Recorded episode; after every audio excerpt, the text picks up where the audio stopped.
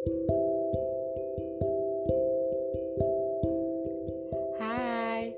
selamat datang di podcast Cerita Rana.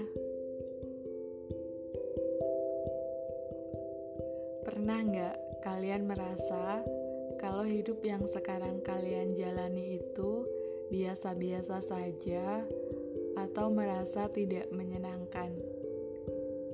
Aku sedang berada di fase yang merasa kalau hidupku begitu datar. Ya, meskipun memang dari dulu hidupku datar dan biasa saja, tapi belakangan entah kenapa rasanya datar sekali dan jenuh. Kemudian aku berpikir, mungkin gak ya orang lain juga punya perasaan yang sama denganku, yang sedang merasa jenuh dan bosan. Ketika aku melihat orang di sekitarku, sepertinya mereka memiliki hidup yang menyenangkan. Aku bersyukur untuk itu. Meskipun aku tidak bisa langsung menyimpulkan begitu saja, karena apa yang kita lihat kadang bukan hal yang tampak sebenarnya. Siapa tahu, ketika orang lain melihat atau mendengar cerita perjalanan hidup kita, mereka malah menganggap bahwa hidup kita lebih menyenangkan dibanding hidup mereka.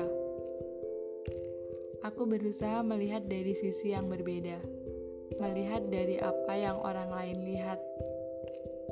Memang benar bahwa rumput tetangga akan selalu lebih hijau, sedangkan kita sendiri hanya memelihara kaktus. Kaktus yang kita pelihara bahkan tidak membutuhkan banyak perhatian dan tak perlu sering kita siram.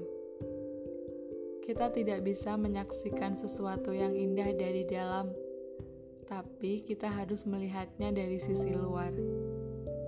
Yang kita pikir menyenangkan belum tentu akan menyenangkan jika kita yang menjalankan karena orang lain juga akan berpikiran sama dengan kita Meskipun hanya kaktus yang kita pelihara, mereka juga diam-diam mengagumi kaktus milik kita.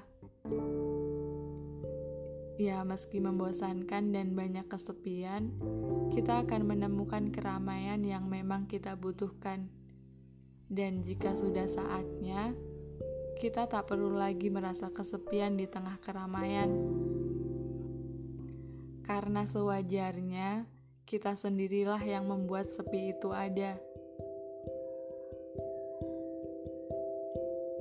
Kita tidak pernah bisa menyimpulkan mana yang lebih baik antara hidup datar atau menyenangkan. Semuanya hanya bagian dari skenario yang kita terima. Untuk sekarang, bertahan jadi mantra paling mujarab sampai waktu yang belum ditentukan. Terima kasih telah mendengar podcast Cerita Rana. Sampai jumpa.